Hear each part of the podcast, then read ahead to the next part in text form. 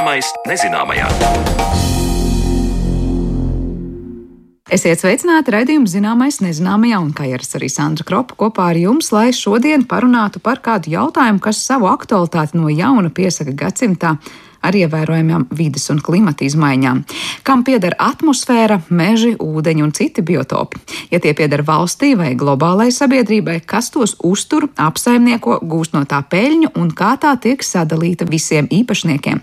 Kā to pēta un kas īsti ir šie kopīgie resursi, par to tad saruna jau pavisam drīz raidījumā, bet līdz tam pirmo raidījumu daļu esam veltījuši arhīvu stāstam par ekonomikas teoriju neaugsmi. Degrowth, jeb latviešu sakot, neaugsme, ir termins, ar ko apzīmē ekonomikas samazināšanos, nevis tās izaugsmi, proti, pieticīgāku un ilgspējīgāku saimniekošanu.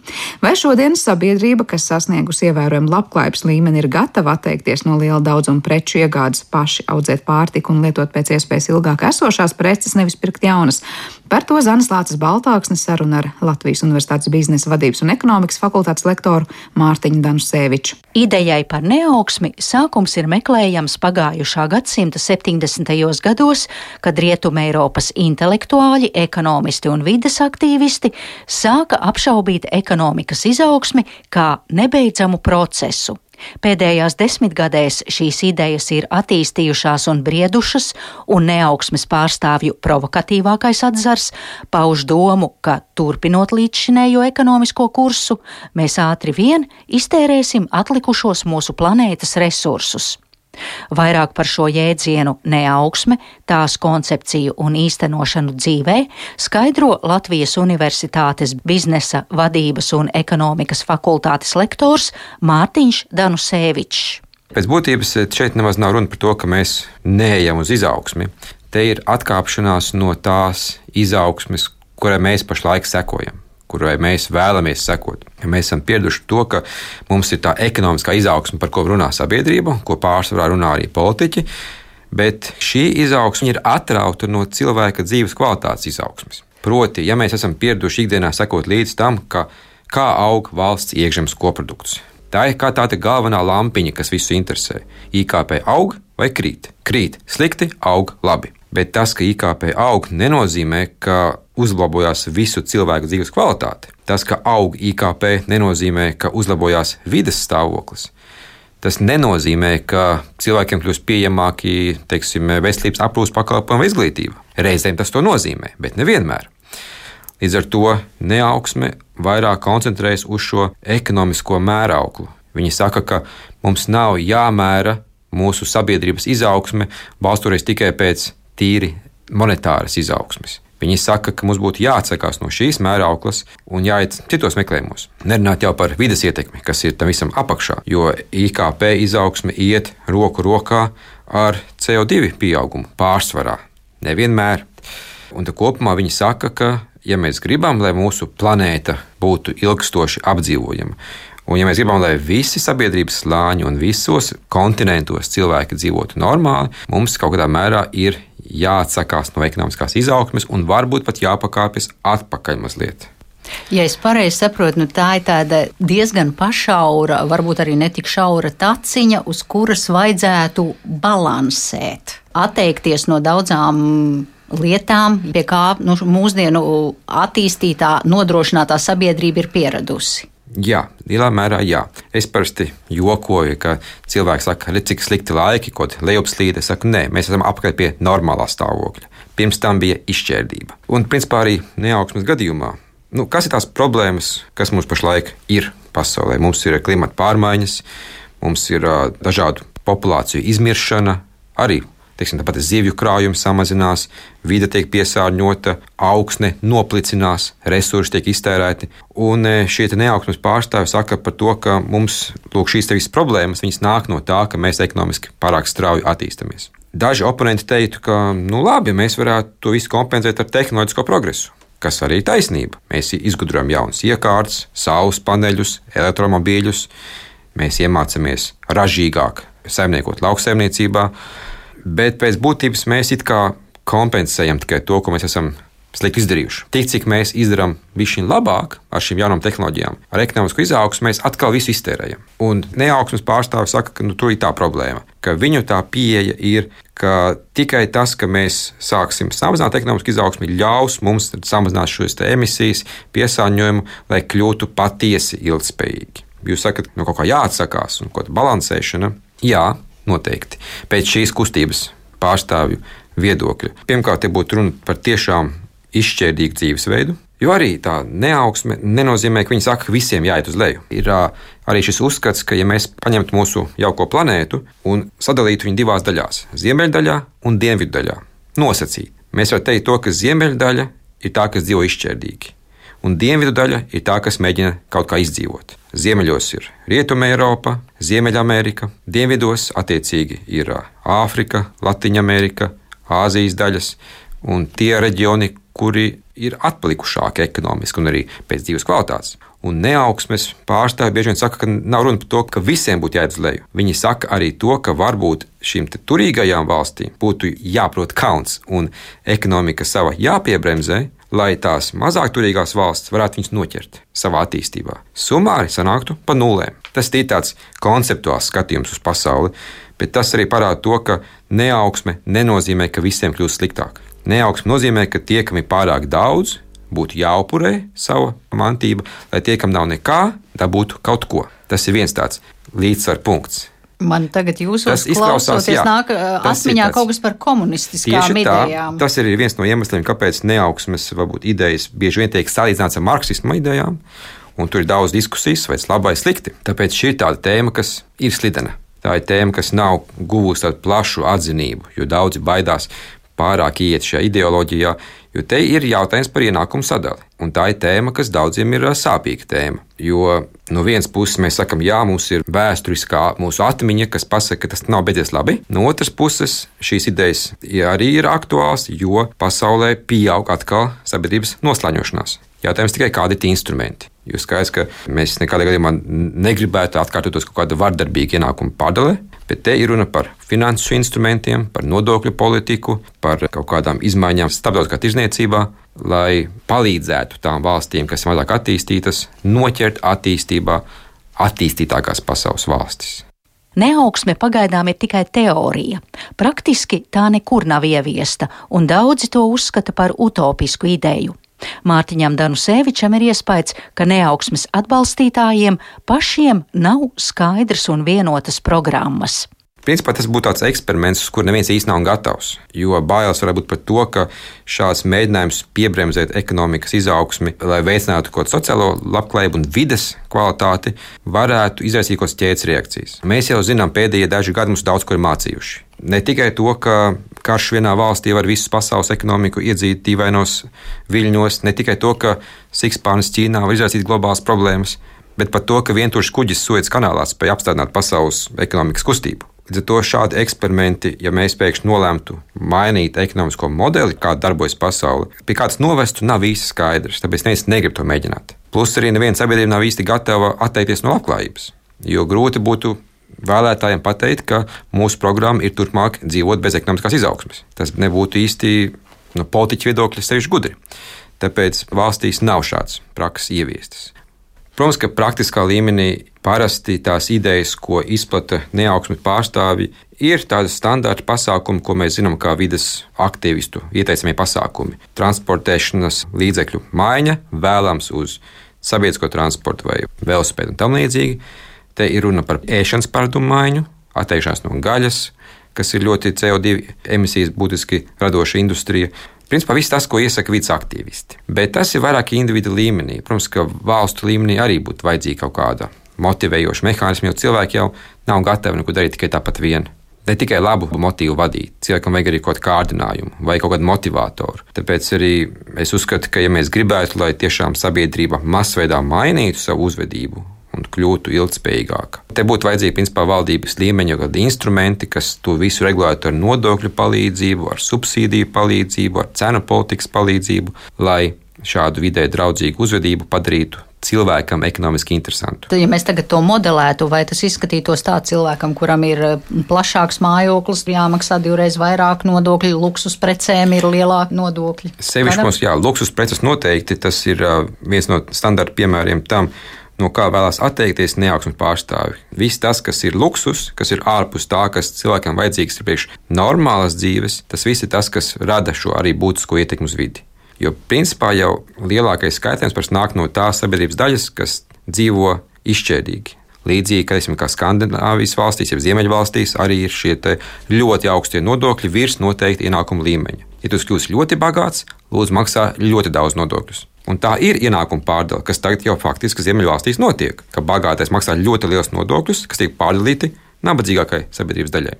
Un arī neaugsmes pārstāvi arī iestājas par šo universālo ienākumu, kā minimālo garantētu ienākumu cilvēkiem, neatkarīgi no tā, vai viņi strādā vai nē. Kas arī tāds jau desmit gadus veids eksperiments, kur daudz valsts mēģina, lai saprastu, vai tas būtu jaunais modelis, kas būtu labāks sabiedrībai. Jūs uzklausoties Mārtiņu, vai būtu pareizi teikt, ka tas eh, atslēgas vārds neaugsmēji ir mērenība?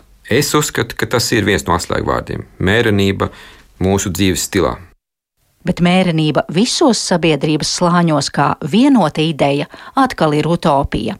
Un vēl kā argumentu praktiskai neaugsmes ieviešanai Mārtiņš Danusevičs min visu pasaules valstu sadarbības nespēju. Ja neaugsme tiktu realizēta dzīvē, tad pietiktu ar vienu valsti, kas pārkāptu šos jaunieviestos diezgan radikālos saimniekošanas noteikumus, lai visa sistēma sabruktu. Un es domāju, ka arī paši viņas pārstāvi apzinās, ka šī ideja nav praktiski ieviešama. Jo tas tiešām nozīmētu arī pārāk lielu ekonomisku kritumu. Un arī tā problēma ir tāda, ka šīs idejas oponenti teiks arī to, ka, ja mēs aiziesim uz tādu neaugstu, mēs riskējam ar to, ka pirmkārt var sākties lielpējoša spirāli. Uzņēmumiem samazinās apgrozījums, viņi sāk atlaist darbiniekus, darbinieki var mazāk pelna, viņi pārstāja pirkt preces, uzņēmumiem mazāks apgrozījums, sākās lielpējoša spirāli. Otrkārt, oponenti runā par to, ka šāda neaugsme var traucēt tehnoloģiskam progresam jo tas prasa būtiskas investīcijas. Un tieši ekonomiskā izaugsme ir tā, kas ir veicinājusi investīcijas jaunās tehnoloģijās. Un daudz arī teikt, teiksim, ekonomisti, ka, jā, ka tieši izaugsme ir tā, kas ļauj cīnīties ar vidas problēmām. Ja mūsu ekonomika aug, mēs izgudrojam jaunas tehnoloģijas, kas mums ļauj novērst tās problēmas, kuras mēs paši pirmīt radījām. Un daudzās tās attīstītās valstīs tiek novērota tā tendence, ka pieaugot IKP vēl vairāk, jau attīstītās valstīs, viņiem sāk kristies CO2 emisijas. Viņi var atļauties tīrākas tehnoloģijas, tīrākas ražošanas iekārtas, tīrāku transporta veidu un tam līdzīgi. Bet visur ir koks ar diviem galiem. Bieži vien izrādās, ka šīs valsts vienkārši piesārņojošo darbību ir eksportējušas uz nabadzīgām Āzijas vai Āfrikas valstīm, kas atkal visu šo bildi izjauc. Nu, jā, tāpēc abās pusēs būs viedokļi par un pret, un atbildes pareizās es uzskatu, te vienkārši nav.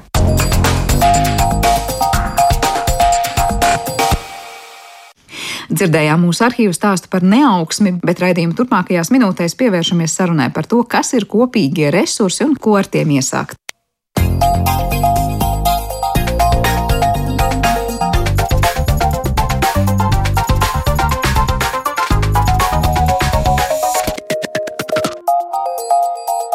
Zināmais nezināmajā. Mēs itin daudz pēdējā laikā runājam par resursiem un to ilgspējīgu pārvaldību, proti tos iegūt un patērēt tā, lai resursi pietiktu arī nākamajām paudzēm, bet ko īsti nozīmē apsaimniekot resursus, kas pieder mums visiem, gan kā noteikti sabiedrības pārstāvjiem, gan planētas iedzīvotājiem kopumā, kas ir šie visiem kopīgie resursi un kā tos gudri pieskatīt, par to tad šodienas mums arī saruna studijā, kad pie mums ciemos ir pētnieki, var teikt, Latvijas Universitātes lektors Elgars Felts. Labdien! Labdien! Kā arī Latvijas Universitātes docents Renārs Felts. Labdien! Labdien! Sākšu, sākšu ar to, ka jūs laikam abi kopīgi esat diezgan daudz pievērsušies šiem kopīgo resursu jautājumiem. Tūdaļ lūkšu jums, lūkšu jums pastāstīt, kas tad īsti ir šie kopīgie resursi un par ko īsti ir stāsts? Jā, Renāri. E, tā tad kopīgie resursi, e, jeb arī īpašumi, e, tāpat kā citus resursus, privātus vai publiskus, var iedalīt pēc divām pazīmēm - pēc izgūstamības šo, šo resursu un konkurences patēriņā, un arī lietotāju norobežošanas iespējām no šo, šo resursu patēriņa. Tas, ko īsti nozīmē? Un atšķirībā no privātiem resursiem, kur ir skaidri nosakāmas eh, resursu lietotāju robežas, un, un vienlaikus pastāv šī konkurence par, eh, par resursu patēriņu, un no citas puses, ko, eh, pri, publiskie resursi, kur, kur ir grūti noteikt robežas, bet nepastāv konkurence, tad lūk, kopīgie resursi ir tādi, kur vienlaikus pastāv konkurence patēriņā, bet robežas šiem resursiem ir grūti noteikt. Ir kāds piemērs, kur mēs varam saprast, nu, kā tas strādā. Ja šobrīd es iedomājos, ka es esmu, piemēram, zemes īpašniece, kurai ir konkrēts lauks, kuru es apstrādāju, iegūstu produkciju lauksaimniecības, tas ir mans privātais resurs. Jā. Lai gan tā ir zeme, kas, nu, protams, ir šīs planētas sastāvdaļa tajā brīdī, kad man nepieder zeme, bet es esmu Latvijas pilsonis, un savukārt es zinu, ka Latvijā ir kaut kādi valsts, piemēram, meži. Es varu teikt, ka tie meži ir mans resurs, tāpat kā jūsu resurs, un tāpat kā visu Latvijas iedzīvotāju resurs. Es teiktu, ka labs piemērs ir ūdeņi. Ja mēs skatāmies par, par upēm, ezeriem, tad eh, ir redzams, ka tajā esošie resursi ir grūti noteikt, kuram tad piederēs tas vai cits fragments no, no upes. Vienlaikus šo resursu lietošana rada konkurenci par šo resursu patēriņu. Nu, piemēram, mēs varam iet makšķerēt uz Jā. konkrētu upi, bet tur arī var kāds Cik no kāds cits makšķerēt. Tieši tā, un, un, un tā, tāpēc ir grūti noteikt arī, arī robežas, ka man piederēs tas ūdens fragments un es makšķerēšu to zivi. Un, un man tas, pienāks, tas ja mans, tā nav īsti. Elgar, tev kāds piemērs vēl vai papildinājums? Jā, es domāju, es domāju tās pamatlietas, par kurām mēs varētu runāt šodien, tiecīgi, ir, ir, ir tie e, mēro, mēro, mazākā mērogā, valsts mērogā resursi, tā kā ūdeņi minētie, meži, e, zemes. Un, e, un teiksim, plašākā mērogā teiksim, mēs runājam par, par atmosfēru, par gaismu vai atmosfēriskie kopīgie resursi, jā, kas, kas arī attiecas pilnīgi uz mums visiem. Jā, gan gaisa, kur mēs elpojam, gaisa piesārņojums, jā, gan teicīgi, jā, klimata krīzes radītās problēmas, kā blakni tam, ko mēs darām. Ja? Nu, lūk, tas, tas mērogs, jā, protams, jānošķir teiksim, tas globālais mērogs no, no valsts mēroga. Ar valsts mērogu, attiecīgi, jā, ūdeņi, zemes un meži, tas, par ko mēs e, varam runāt. Un tur tā lieta ir tas, ka neatkarīgi no tā, vai e, mēs, mums pieder privāti kaut kāds ja, zemes gabals vai meža gabals, attiecīgi, ja tie resursi, ja, tas tik un tā ir, um, ir kopīgs attiecās uz mums visiem. Tā kā, ja, tā kā tas nav teiksim, mans, mans, mans nostūris, es daru, es daru, ko es gribu, bet teiksim, mans vienmēr būs saistība kaut ko, ar kaut ko citu. Bet kā arī ir privātās, piemēram, meža teritorijas, un tur meža īpašniekam ir nezinu, tiesības darīt savā mežā, ko viņš grib. Tātad mēs sakām, grib cērt, negrib necērt, grib pārdot, negrib nepārdot. Ja? Še, šeit man, tā ideja, ko es attīstīju savā eh, doktora darbā, bija, bija tāda, ka ņemot vērā mežu savstarpējo saistību ekosistēmās, arī šie privātie meža īpašumi, kur ir, protams, ļoti vienkārši nosakāmas robežas, neatkarīgi no tā, ņemot vērā šo meža, e, to saistību, me, meža ekosistēmās tie ir kopīgi resursi, jo darbības vienā teritorijā ietekmēs citu meža īpašnieku iespējas arī šos resursus patērēt un nu, izmantot vai lietot. Bet var teikt, nu, tur ir kaut kādā mērogā, jā, lietas, ko tad, tad var kopīgi regulēt. Vai kopīgi ir īstais vārds vai kaut kā, es nezinu, noteikumi, kas paredz, ko drīkst, ko nedrīkst, pat ja tas ir privāts mežs, bet tajā pašā laikā, nu, tur tie noteikumi droši vien ir mazliet nezinu, vaļīgāki vai citādāki nekā, ja tas ir, piemēram, neprivāts mežs. Būtiskās lietas runājot par noteikumiem un kopīgiem resursiem ir tāda, ka paši šo resursu lietotāji zina pietiekami skaidrs šos noteikumus, paši tos veido un arī, un arī kopīgi ievē, ievēro.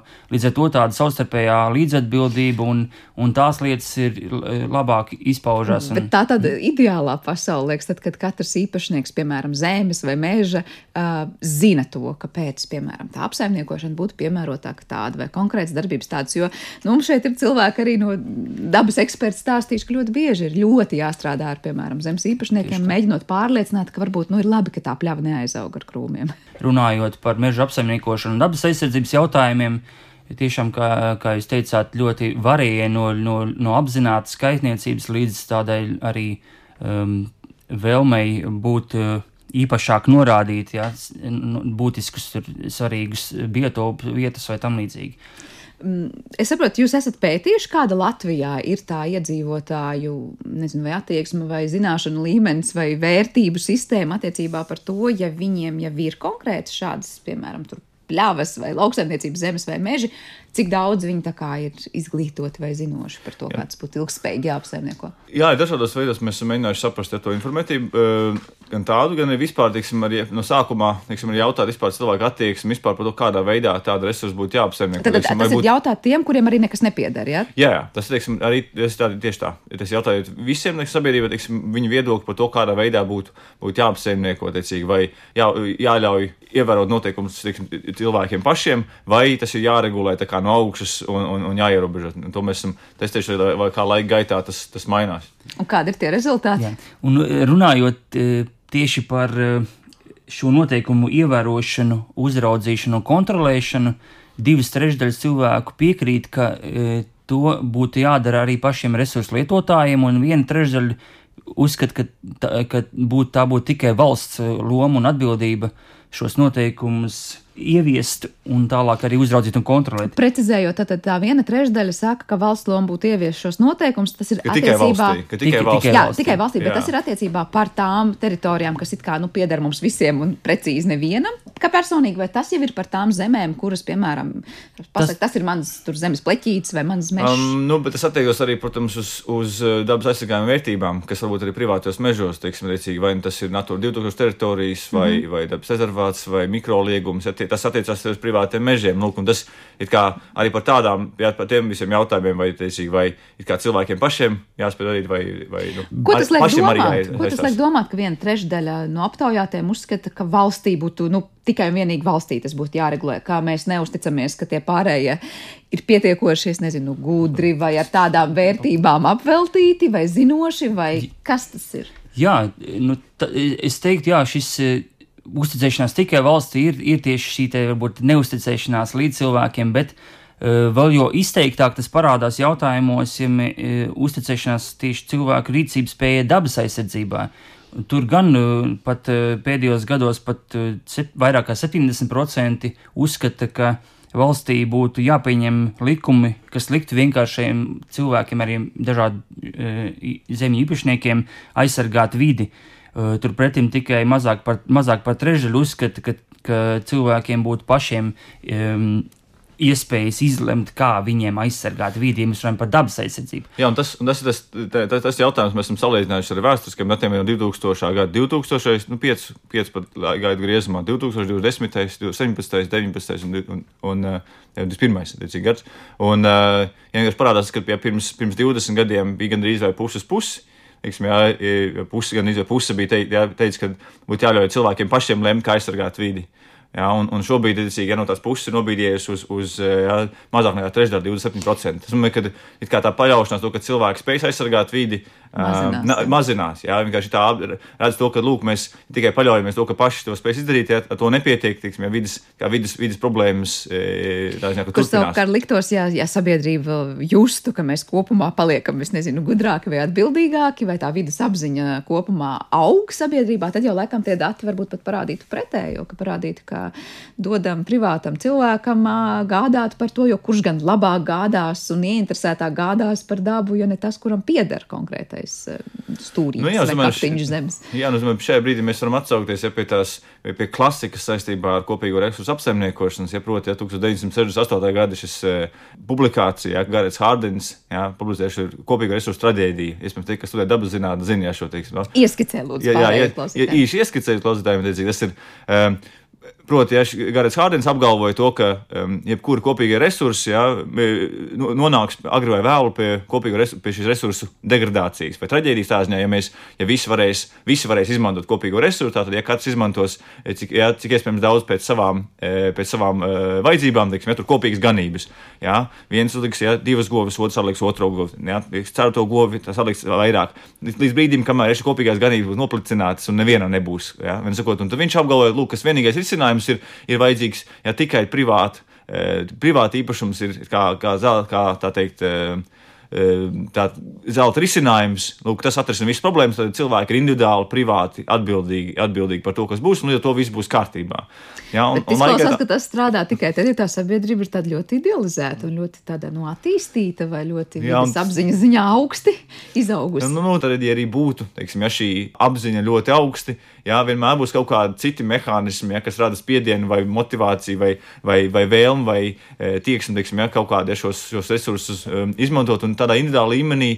Ja, cilvēki jau arī nesaprot, teiksim, daļa no kā plašāka viņi ir. Teiksim, ja viņu, viņu ja, 10 hektāri vai 30 hektāri, viņi rati domā kategorijās, ka tā ir daļa no nu, Latvijas kopējas ekosistēmas vai, ja, vai, vai tam līdzīga lieta. Un, un tās ir lietas, kurās, kuras, kuras būtu kaut kādā veidā ir šīs informācijai, ir jābūt par to, kas, kas notiek ar, ar tiksim, resursiem, vai, vai ko, ko dabas aizsardzības pārvalde dara, vai vidas organizācijas, dabas skaitīšanas ja, tie, tie, ja, procesi, vai nu, būtībā norādot to, ka, kāda ir, kāda ir, ir situācija kaut kādiem kopīgiem resursiem, vai, nu, vai tās būtu ecīgi, ja, meži vai ūdeņi vai, vai, vai gaisa piesārņojums un tam līdzīgi. Un, un tādēļ informējot to, kas, kas būtu darām individuāli nekad nevarēs pieņemt ja, tādus lēmumus, individuāli nekad nevarēs pieņemt lēmumus, saprotot visu to plašāko kontekstu. Ja, bet var sākt pieņemt šos lēmumus, tad, kad ir kaut kāda jau sadarbība par kaut, kaut kādā mērogā. Bet kas ir tas jā. Uh, ietvars tajā sadarbībā, kur es domāju, nu būs kaut kāds, uh, laikam, zelta vidusceļš starp to, lai varbūt nebūtu tā, ka tikai valsts tagad noteiks, kam un kā ir, kas jādara vai nav jādara. No otras puses, nu, es domāju, sadzīvē ik viens, gan jau no mums būs pārliecinājies, nu, kas notiek tajā brīdī, kad viss pieder nu, visiem un nevienam beig beigās. Mm -hmm. ja? nu, tad, kad mums ir visiem kopīgi vienādi jāpār, nezinu, jāvada procesi, tad beigās tur nu, nekas īsti nesanāk. Nu, jā, un e, šī kopīgo resursu arī traģēdija, ko Elgars raksturoja, viņa tieši tika atspēkota e, runājot par arī pietiekami pāraugāma mēroga jautājumiem. Tas ir, mēroga jautājums ir svarīgs tādā ziņā, ka, e, ja e, šie resursu lietotāji e, spēj arī ir, ir kopīgi tādā pietiekami pārredzamā un šaurā mēr, mērogā, mēs skatāmies, kā tas labi strādā ūdeņu piemērā, tad licencēšanas sistēmas, kur makšķernieki pērk licences, lai varētu makšķerēt, un vienlaikus arī ir, ir viņi paši arī ir interesēti palīdzēt zvejas inspektoriem vai kādiem citiem kontrolējušiem institūcijām tikt galā ar, ar malu zvejniecību. Un, Un, un, un tāpēc, ka, viņi, ka viņiem šis mērogs ir uzskatāms, ka viņi skaidri redz, ka, ši, ka šie noteikumi, kuros, kurus viņi paši arī līdzveido un tālāk arī ievēro, ka viņi ir tālāk arī ieinteresēti kopīgi arī šos noteikumus ievērot un palīdzēt e, tajā, lai, lai arī citos ievērot. Bet te man prātā nāk visi šie piemēri, ko dabas aizsardzības pārvaldes eksperti bieži uzsver, ka, lūk, piemēram, šīs sabiedriskās apspriešanas, ja, ka Te laikam ir tas, ka jau pašā sākumā ieinteresētās puses, arī īpašnieki var nākt un teikt, mēs, piemēram, pie šāda ierobežojuma sakam, nē, jo tāpēc, tāpēc, tāpēc, vai savukārt mēs gribam, lai ir atrisināta tāda, tāda, tāda problēma. Mums ir, nezinu, problēmas, ja gājēji tā, ka ir ierīkoti, piemēram, gar īpašumu tieši tur un ne citur. Vai jūs redzat, ka šādi rīki jau patiesībā ir mūsu rīcībā, kas ļautu pilnvērtīgi apsaimniekot tos kopējos resursus, nu tā kā tikko Renārs arī minēja, proti, ka uh, Vajag tikai izmantot tos rīkus un nākt, piemēram, uz tām sabiedriskām apspriešanām, un te būs tāda, kā saka, no apakšas uz augšu viss šī virzība.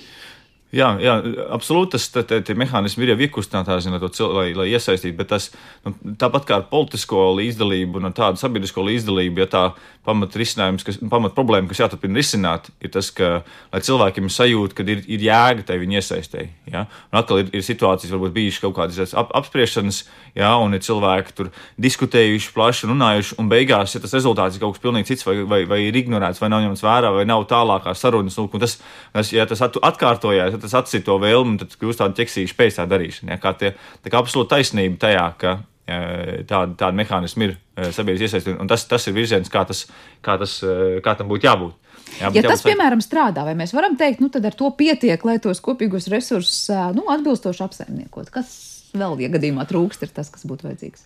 Es domāju, arī ne, ne, nevar, nu, nevajadzētu arī cerēt, ka viss tas notiks vienā dienā. Tas ir ļoti ilgstošs un, un pakāpenisks process. Arī mēs domājam par uh, Eh, par arī mūsu eh, pētījumos mēs, mēs izzinājām Gaujas Nacionālā parka turisma eh, jautājumus, tur arī parādījās diezgan daudz secinājumu par to, ka būtu jādomā par esošo noteikumu ievērošanu un, un to ievērošanu tādā mācīšanas un ilgstošas izglītošanās gaitā, kur cilvēki tās arī saredz savu savu iesaisti tajā un arī atbildību par to, ko, ko un kā viņi darbojas. Tad jūs skatījāties, vai pietiek ar esošajiem kaut kādiem ierobežojumiem vai liegumiem, vai to, ja tos ievēro, nu tad mēs jau panākam jā, efektu. Jā, jā, jā. Vai ir vajadzīgi kaut kādi jauni? Jā, un, un mēs noskaidrojām, ka, ka lielākā daļa arī vietējo iedzīvotāju ir, ir, ir uzskata šos not, esošos noteikumus par atbilstošiem, daļu, daļu tomēr arī pārāk, par pārāk uh, vājiem, bet, bet tajā pašā laikā, runājot tieši par risinājumiem, tika tik uzsvērts tas, ka būtiskāk ir domāt par esošo noteikumu ievērošanu nekā jaunu ierobežojumu vai noteikumu veidošanu. Tā kā arī šajā ziņā parādās labi tas, ka, ka tā, tā noteikumu īstenošana vai ievērošana ir atkarīga lielā mērā nevis no tā, ko mēs gribētu, kā cilvēki dara, bet no tā, ko, cilvēki praktiski dara. Bet kāda šobrīd ir Latvijā situācija, nu, piemēram, Gaujas Nacionālajā parkā ar to esošo ievērošanu? Ja, par Gaujas Nacionālo parku. Um, Jā, nu, tas, kas parādījās, ka Renārs minēja, ka ir, ir, ir dažādas ja, cilvēki secināja, gan turisma iesaistītie, gan arī vispār Nacionālā parka iedzīvotāji, ka tas um, ja, nepilnīgi tiek, tiek ievērots ziņā, bet par Gaunas parku vispār, ko es gribēju vēl klāt teikt, ka tas mēs arī vairākos skatījumos jau par to ja, līdzdarbojāmies tur, e, par to, kas jau notiek. Tā, tā, tā skaitā ļoti interesanti iniciatīva ir šo par, par bioreģionu um, izveidošanu Gaujas Nacionālā parka par bio-GNP. Tiksim, arī šī tāda. E, Ar ko tas atšķirsies no vienkārši Nacionālā parka? Nacionālā parka. Jā, nu tas. Uh, Nu, Tāda varbūt būtu tēma atsevišķam raidījumam, runāt par, par, par, šo, par šo ideju, um, kā tas izpaustos. Sakot, uh, un, un tur atkal ir tāds plašāks izvēļu lokus, ko, ko tas nozīmē. Idejas, ar ko atšķirtos šis te, jā. Tas, būtu, tas arī, tas vadoties arī pēc tā, kā citvietā Eiropā ir veidot dažādi bioreģioni, veidot Itālijā, es nemaldos, bija viena no pirmajām, kas tika veidoti tādi. Jā, un, un viņi atšķirās savā starpā, teiksim, cik strikti viņi to novērtē. Teiksim, tur varētu iet tādu striktāko, varbūt tādu skatījumu, ja teritorijas, piemēram, visa lauksaimniecība, tās teritorijas iekšēnē tikai bioloģiskā, tā būtu augsta latiņa, kur varētu panākt, bet to ir diskutēts, teiksim, ko tas nozīmē. Tas nozīmē nevis tikai tā, ka atkal nevis burkānu pārtiks jautājums, nevis teikt, lūk, visi, visiem jābūt nu, rīt bioloģiskiem. Jā, jautājums ir, kādā veidā mēs atbalstam šo pārējais procesu, jā, kas būtībā lauksaimniecībā ir, pats svarīgākais, ja šis, šis, šis pārējais gadi no konvencionālās uz bioloģisko lauksaimniecību. Tas, tas arī būtu izdarāms. Tas ir viens, viens aspekts. Bet var teikt, ka tas izklausās nu, tāds tā kā stingrāka režīma aizsargājuma teritorija? Vai... Um, neobligāti stingrāka uh, režīma. Tas, nu, tas, tas nezinu, stingrāka režīma, tas, tas, ir, tas kļūst arī tādā veidā, kā lai saka, nu, tur Tad tas saimnieciskā darbība būtu atļauta. Kā, jā, jā, jā, tas vienmēr būtu kaut kas starp tā nedaudz ar reģionu mārketingu. Kas, kas dažkārt var, varam redzēt, šos piemēros Rietumē, Eiropā ir tā, ka kļūst kā mārketings, lūk, šis, šis bioreģions. Protams, esot uzmanīgiem, lai atkal tas nekļūst par zaļmaldināšanu, tā mm -hmm. ka mēs atkal to tā, tikai tā to uh, saucam. Ja, um, no vienas puses, mārketings, no otras puses, teiksim, arī kaut kādi ja, tādi soļi, kas, kas varētu patīk attiecībā uz, uz lauksaimniecību. Lūk, tas, tas varētu būt attiecībā arī uz, uz, uz meža saimniecību. Arī tas varētu būt kaut kādas ja šīs, šīs prakses, uz kurām teikt, e, veicina, rāda ilgspējīgākas prakses, ja dažādi veidi bezskaitlis meža saimniecībā, piemēram. Ja, tas arī vai, vai ļoti neliela izmēra, ja, teiksim, kailciet vai teiksim, sanitāru, e, sanitāru apstākļu apsvērumu dēļ, bet teiksim, ir, e, nu, citos veidos ir ir citas prakses. Un tā, tā, tās teiksim, gan lauksaimniecībā, gan mežsaimniecībā, ja, gan ūdeņa apsaimniekošanā, ja rādīja, varētu ja, šādā reģionā būt kā šie piemēri labajām praksēm, kā būtu jādara. Un tas vispār tas jautājums, kas saistībā ar kopīgu resursu apsaimniekošanu, tas vispār tas ir, nu, tā ir tā loma, kas arī nu, valstīm pašvaldībai būtu būt jāuzņem, jāuzņemās vairāk. No vienas puses, ja šis ja, kontrolas sodīšanas mehānismu, no otras puses, ja, šī piemēra rādīšana, kā tad izpaudās tiksim, resursu apsaimniekošana visu interesēs. Par bio vai bioreģioniem, ja pareizi jāsaka, mm. mēs tiešām varam parunāt vēl citā reizē, jo tur daudz jautājumu, ko apspriest, bet jau mēs sākām par to ciršanu runāt kā piemēru. Kā no šiem kopīgo resursu perspektīvas izskatās, lūk, piemēram, šī situācija, kas ir, nu, jebkurā valstī, kurā ir konkrēti tie saucamie valsts nezinu, teritorijas, tad nav privātie, piemēram, mm. meži Bet tajā pašā laikā, protams, ir uzņēmumi, kas tos apsaimnieko. Jo citādi, nu, kurš tos apsaimniekos? Mm -hmm. Uzņēmumi gūst peļņu. Kā tas tagad sanāk? Nu, piemēram, Latvijas valsts mežu gadījumā. Tas ir valsts uzņēmums, kas apsaimnieko mūsu visu kopīgo mežu, ja mēs tā padomājam. Bet vai jā, mēs konkrēti puši, pie jā. sēdošie pie šie galda gūstam labumu no tā, ko gūst, piemēram, uzņēmums apsaimniekojot mm -hmm. to mežu? Jā, par šo mēs arī esam diskutējuši daudz kādā. Tas ir diezgan kritisks jautājums.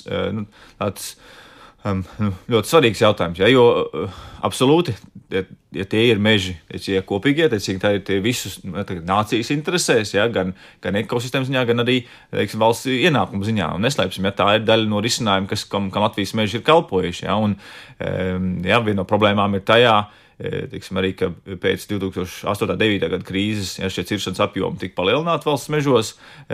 Ja, daļēji tāpēc, ka bija vajadzīgi aizlāpīt caurumus valsts, valsts budžetā. Ja, un, un, un apmēram tāds ir palicis. Tas apjoms nav būtiski samazinājies atpakaļ uz tādiem tā tā pirmskrīzes laikā. Tā kā... Bet šobrīd arguments varbūt nu, uzņēmuma pusē būtu, bet mēs taču tāpat to naudu liekam valsts budžetā, un tas ir tas, kā mēs katrs iedzīvotājs it kā saņemam to savu labumu. Bet vai tas ir nu, vienos svaru kausos liekams? Nu, lūk, tas, tas mēs lūk, parādās vēl papildus tā tēma saistībā ar kopīgiem resursiem, papildus cilvēku iesaistēji.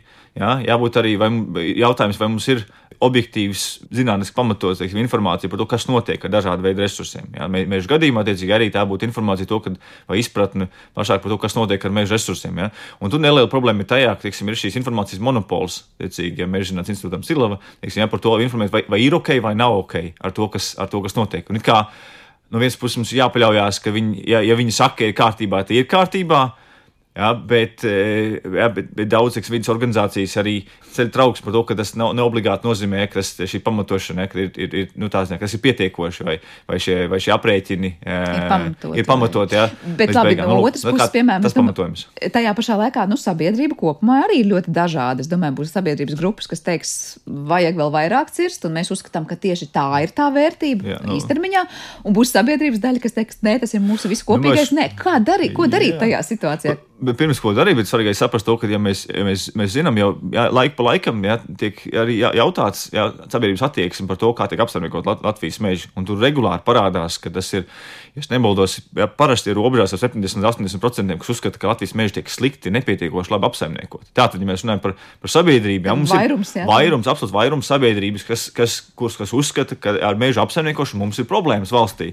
Tā kā nu, tie, tie būtu būt mazākumā, mums jāsaka, vai tas ir teiksim, jā, konkrēti ekonomisko grupu intereses ja, ja, par, par to, lai, eh, lai tu turpinātu. Jo sabiedrības intereses un sabiedrības viedoklis, ko sabiedrība pauž, ja, ir tas, ka, ja, ka, ka nav, nav gluži kārtībā ar šo mežu apsaimniekošanu. Nu, lūk, tas, tas, tas ir ja, valsts mērogā, un mēs runājam arī par pašvaldībām. Rīga, Rīgas mežiem ar izmaiņām šeit, vai, vai novada pašvaldības, vai novada pašvaldībām ir savas mežu apsaimniekošanas stratēģijas. Cik daudzām pašvaldībām ir savi mežu apsaimniekošanas plāni, jā, vai vienkārši viņi izdara minimumu, vadās pēc tā pašas, jā, tāds, kas būtu jādara. Lūk, nu, tur ir tās lielas lietas, ko var darīt. Jā, pat, Bet tad sanāk, ka te tā arī kopienu nozīmē, vai vietējie iedzīvotāji būs pietiekoši norūpējušies aktīvi, lai tā kā nu prasītu to.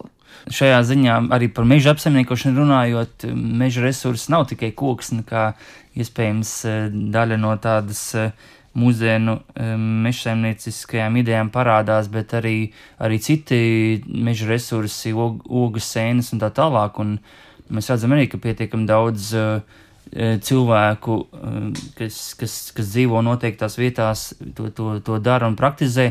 Un šajā ziņā arī runājot par pētījumiem, kurus mēs veicām tieši par mežu, mežiem un bioloģisko daudzveidību, tajos arī cilvēka attieksmes bija pietiekami e, kritisks tādā ziņā, ka ir ļoti būtiski saglabāt e, bioloģisko daudzveidību, kas ir ilgtermiņa priekšnosacījums, lai vispār tālāk varētu e, arī meža saimnieciskās darbības veikt ekonomisko mērķu vārdā, kas, protams, ir būtisks un Eh, bet, bet kuras savukārt tomēr ilgtermiņā un vispār ir, ir, ir būtiski atkarīgas no, no, no šīs te eh, meža ekosistēmas stāvokļa, no bioloģiskās daudzveidības Te ir laikam tas, ko Elgars sarunas sākumā teica, ka ir tie globālie un tie lokālie, ja tie kopīgie resursi labumi. E, sēnes, ogas, koksni, laikam būs tas lokālais, bet mēs varam padomāt, ka lūk, tā dabas daudzveidība vai vispār gaisa, ko elpojam, un meža nozīme tam arī klimata regulēšanā un visā pārējā jau ir tas globālais, grūti nomērāmais pakalpojums, ko mēs sniedz. Jā, un, un, un, un klimata kontekstā arī mums jāatcerās to, ka ir papildus spiediens uz meža ekosistēmām, tas kādā veidā, ja, ja, ja temperatūra, vidē temperatūrai paaugstinoties, arī ekstremāli kādiem laikapstākļiem. Un, un arī tas, tas, tas kādā veidā saskarās daudzas valsts, teiksim, nedaudz, nedaudz siltāka temperatūra, ja, šīs monokultūras, tiecīgi, ja, kuras, ja, kuras ir ļoti teikt, ievainojamas attiecībā uz dažādu veidu kaitēkļiem, kas arī Latvijā ir kļūst aktuāli. Teiksim, lūk, pēkšņi kaut kāda ja, liela gabala jāgriež ārā, tagad, tur, ja, kas, kas ir daļēji saistīts ar monokultūru. Ja, faktiski bioloģiski daudzveidīgā mežā ja, ir faktiski neiespējama kaitēkļa invāzija tādā mērogā. Bet, ja, teiksim, astoņos mīksgrauzim iedod, lūk, tev ja, desmit hektāri. Vienādi koki. Ring, vienādi koki mauc uz priekšu, vai neskaidrs?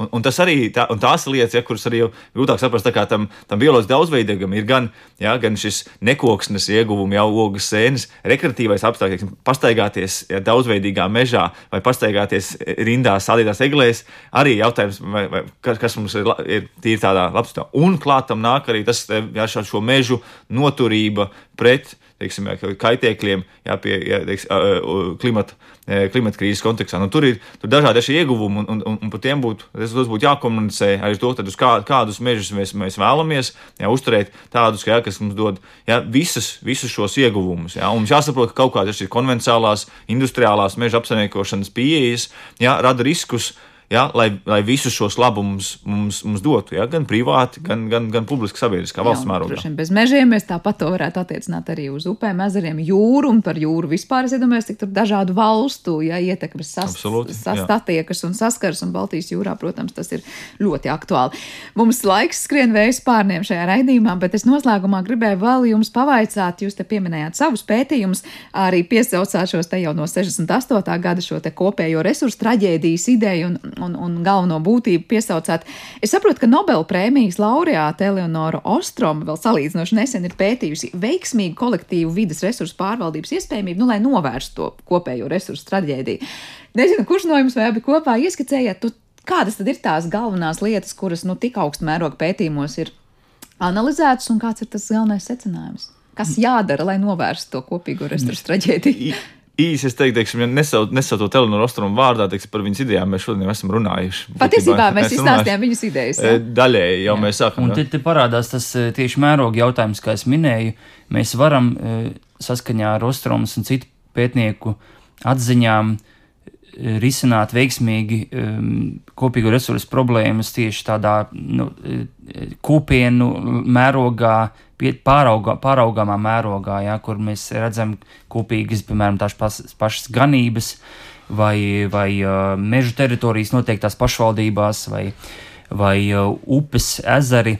Bet ar daudz varbūt sarežģītāk ir ar šādu globālu mērogu, ar atmosfēru, kā kopīgiem resursiem, jo tur parādās šī atkal cita lieta, ka ir iespēja e, nepietiekami daudz ieguldīt savu atbildību tajā un mēģināt e, un nerēķināties ar, ar citiem šo resursu lietotājiem. Un, un te parādās arī dažādi veidi, varbūt mehānismi, kā tādā globālā mērogā var mēģināt e, mainīt e, arī lielo starptautisko korporāciju stratēģijas un veidus, kā viņi dara lietas, bet Nu, jā, tas, tas ir nedaudz sarežģītāk nekā tas būtu tādā šau, e, pāraugāmākā mērogā. Jā, jā tas ir krietni sarežģītāk, vien, jo, jo tas mērogs lielāks, jo iesaistītās puses vairāk, jā. jo cilvēku skaits lielāks, jo ietekmes lielākas. Jā, jā.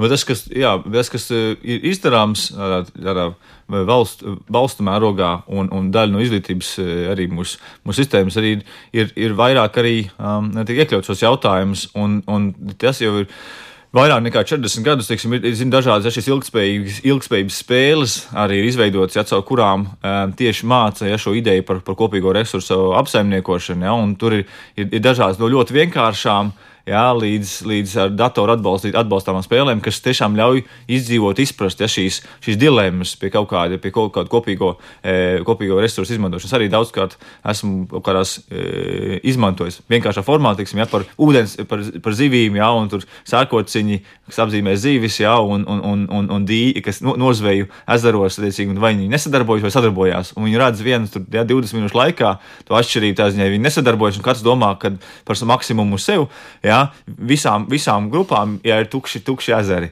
Mm. Jā, un saka, es uzvarēju, man visvairāk zivis. Saka, jūs visi zaudējāt, jums ezeri ir tukši. jā, un tā brīdī, kad viņi sadarbojās, viņi saprot, ka mums, viņiem ir dabūjuši gan lielāku individuālu nozveju, jā, gan viņi saglabājuši to kopējo resursu. Un, un, un tajā brīdī sāk domāt, un tā ir veida mācīšanās nevis tikai, ka skolotājs vai, vai pasniedzējs, tiksim, ir pateicis, nu, ka mums jārūpēs par to, jā, bet caur tādām spēlēm, Nu, jā, ir viņi iz, iz, kā tas izjūt ir. to, jā, un viņš ir spēlējis arī pa mežiem, prūdiņiem, pie pa kopīgiem resursiem. Tā ir lieta, ko noteikti vajadzētu vairāk, vairāk iekļaut, lai, lai izprastu ja, šīs, šīs dilemmas un kā no tām Nu, izvairīties. kopumā liekas tā, ka ja pagājušā gadsimta vidus apmēram ir tas laiks, kad vairāk arī globāli apzināmies to, nu, kas nu būs, ja tas viss sabruks uh, kopīgo resursu kontekstā, tad liekas, šis gadsimts liek domāt, ka mēs tomēr vairāk esam sākuši domāt par to, kāda ir risinājuma un kādas pārvaldības formas, nu, par visu šo ilgspēju un daudz ko citu. Protams, mēs runājam daudz vairāk varbūt nekā pagājušā gadsimta 50. un 60. gados.